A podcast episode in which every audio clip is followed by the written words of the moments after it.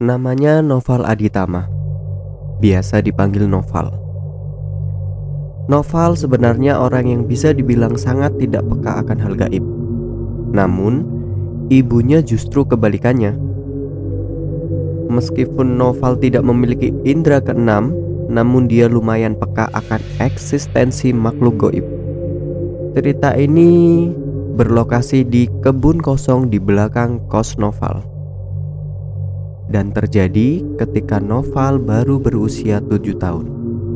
Tepatnya setelah lulus dari taman kanak-kanak. Dulu, Noval mengontrak di Palembang. Tepatnya di daerah Kembang Iwak.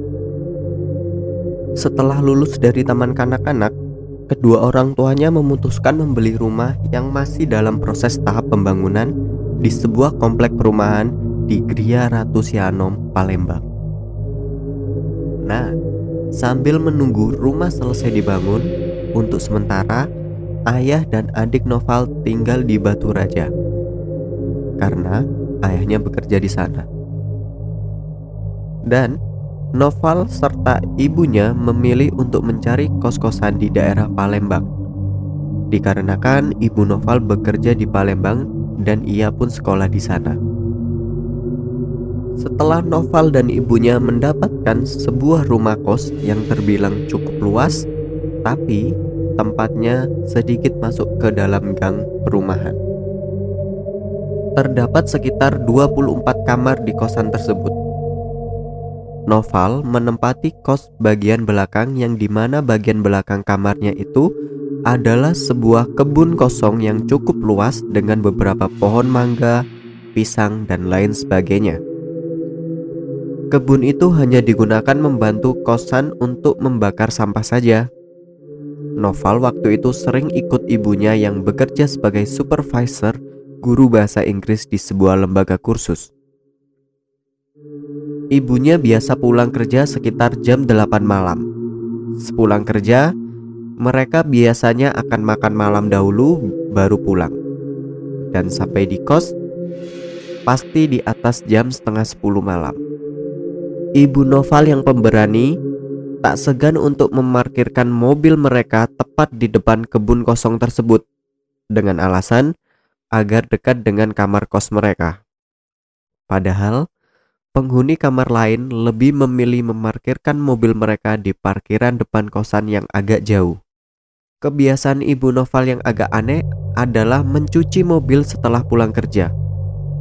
Ya, saat malam hari. Alasannya karena keesokan harinya mobil itu akan digunakan. Hampir setiap penghuni kos mengetahui tentang penghuni kebun kosong tersebut. Namun, ibu Noval tak menghiraukannya. Dengan cuek, ibunya mencuci mobil tepat di depan kebun kosong tersebut setiap tiga hari sekali. Setiap kali sedang mencuci, ibu Noval selalu menyuruh Noval untuk tetap diam di dalam mobil dan jangan keluar. Entah apa alasannya, dia hanya bilang banyak yang liatin. Sedangkan Noval pun sama sekali tidak pernah melihat penampakan apa pun di kebun tersebut. Sesaat sebelum pindah dari kosan tersebut, ya, ketika rumah mereka sudah selesai untuk dibangun, Noval mendengar ibunya dan ibu pemilik kos mengobrol.